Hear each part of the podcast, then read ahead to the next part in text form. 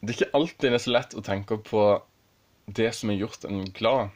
Ofte er det mye enklere å tenke på det som gjør en urolig, på det som gjør en bekymra og nedslått.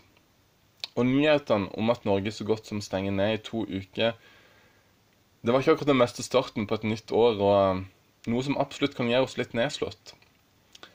Det blir ingen møter, det blir ingen bibelgrupper. Omtrent ingenting blir sånn som det kunne vært i vårt arbeid i NLM heller. Det kunne blitt en mye lystigere start på 2021 på veldig mange måter. Og da tenker jeg det er ekstra viktig å tenke på hva er det som gjør en glad? Hva er det som er grunnlaget for at vi kan være glade uansett?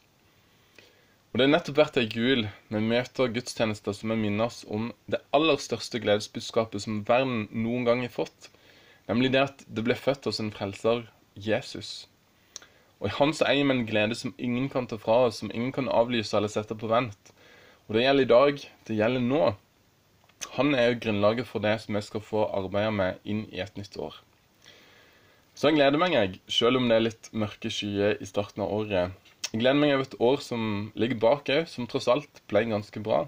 Som ble eh, gjerne mye bedre enn det vi hadde forventa at det skulle bli.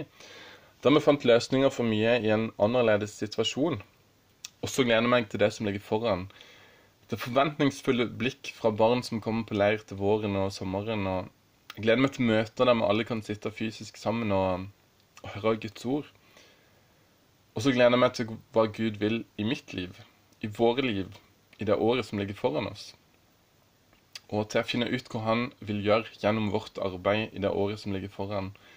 Jeg tror rett og slett at vi har mye å glede oss til.